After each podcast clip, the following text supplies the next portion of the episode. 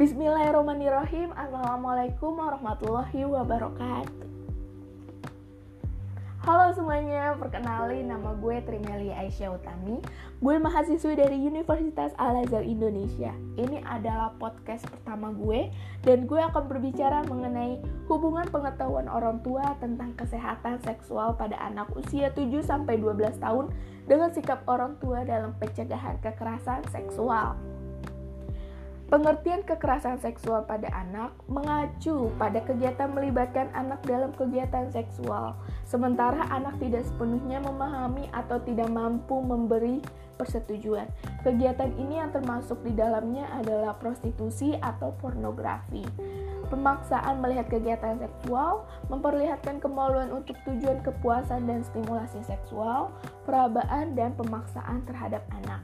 Kekerasan seksual terhadap anak bisa berdampak jangka panjang seperti masalah fisik, gangguan emosi, atau perubahan perilaku sampai dengan gangguan perkembangan, atau yang lebih parah lagi seperti kecacatan. Anak yang menjadi korban penyiksaan seksual bisa berkembang menjadi rendah diri serta merasa bersalah dan malu. Dan mereka mungkin belajar untuk menggunakan perilaku seksual secara tidak tepat dalam berinteraksi dengan teman sebaya dan orang dewasa. Kesehatan seksual merujuk pada keadaan sejahtera secara fisik, mental, dan sosial secara utuh, tidak semata-mata terbebas dari penyakit atau kecacatan dalam semua hal yang berkaitan dengan seksualitas seseorang. Tiap kelompok umur memerlukan pendekatan yang berbeda dalam mengenalkan kesehatan reproduksi dan seksual, terutama pada anak. Pemahaman dan pengenalan tentang kesehatan reproduksi dan seksual menjadi informasi penting yang diberikan kepada anak sebelum anak berinteraksi dengan lingkungan sosialnya. Informasi mengenai pendidikan seks ini dapat dimulai dari hal-hal yang sederhana. Misalnya saja saat mengenalkan mengenai jenis kelamin, yaitu laki-laki dan perempuan. Apabila pendidikan seks diberikan semenjak dini setiap anak, maka diharapkan anak-anak akan terhindar dari kasus penyimpangan seksual. Maka dari itu, pendidikan seksual pada anak-anak perlu dilakukan sedini mungkin ya, dengan harapan anak-anak akan terhindar dari kasus penyimpangan seksual yang sudah saya sebutkan tadi.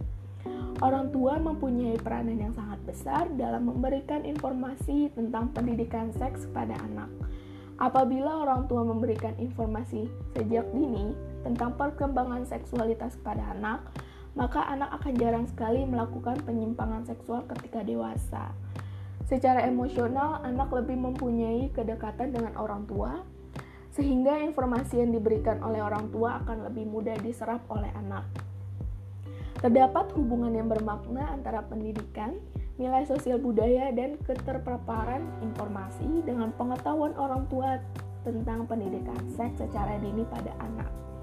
Kesimpulan faktor-faktor yang berhubungan dengan tingkat pengetahuan orang tua tentang pendidikan seks secara dini pada anak sekolah dasar yaitu pendidikan, nilai sosial budaya, dan keterpaparan informasi. Bagi orang tua diharapkan dapat meningkatkan informasi tentang pendidikan seks secara dini pada anak, sehingga setiap anak dapat memperoleh informasi yang baik dan benar terhadap pendidikan seks sejak usia dini sesuai dengan perkembangannya.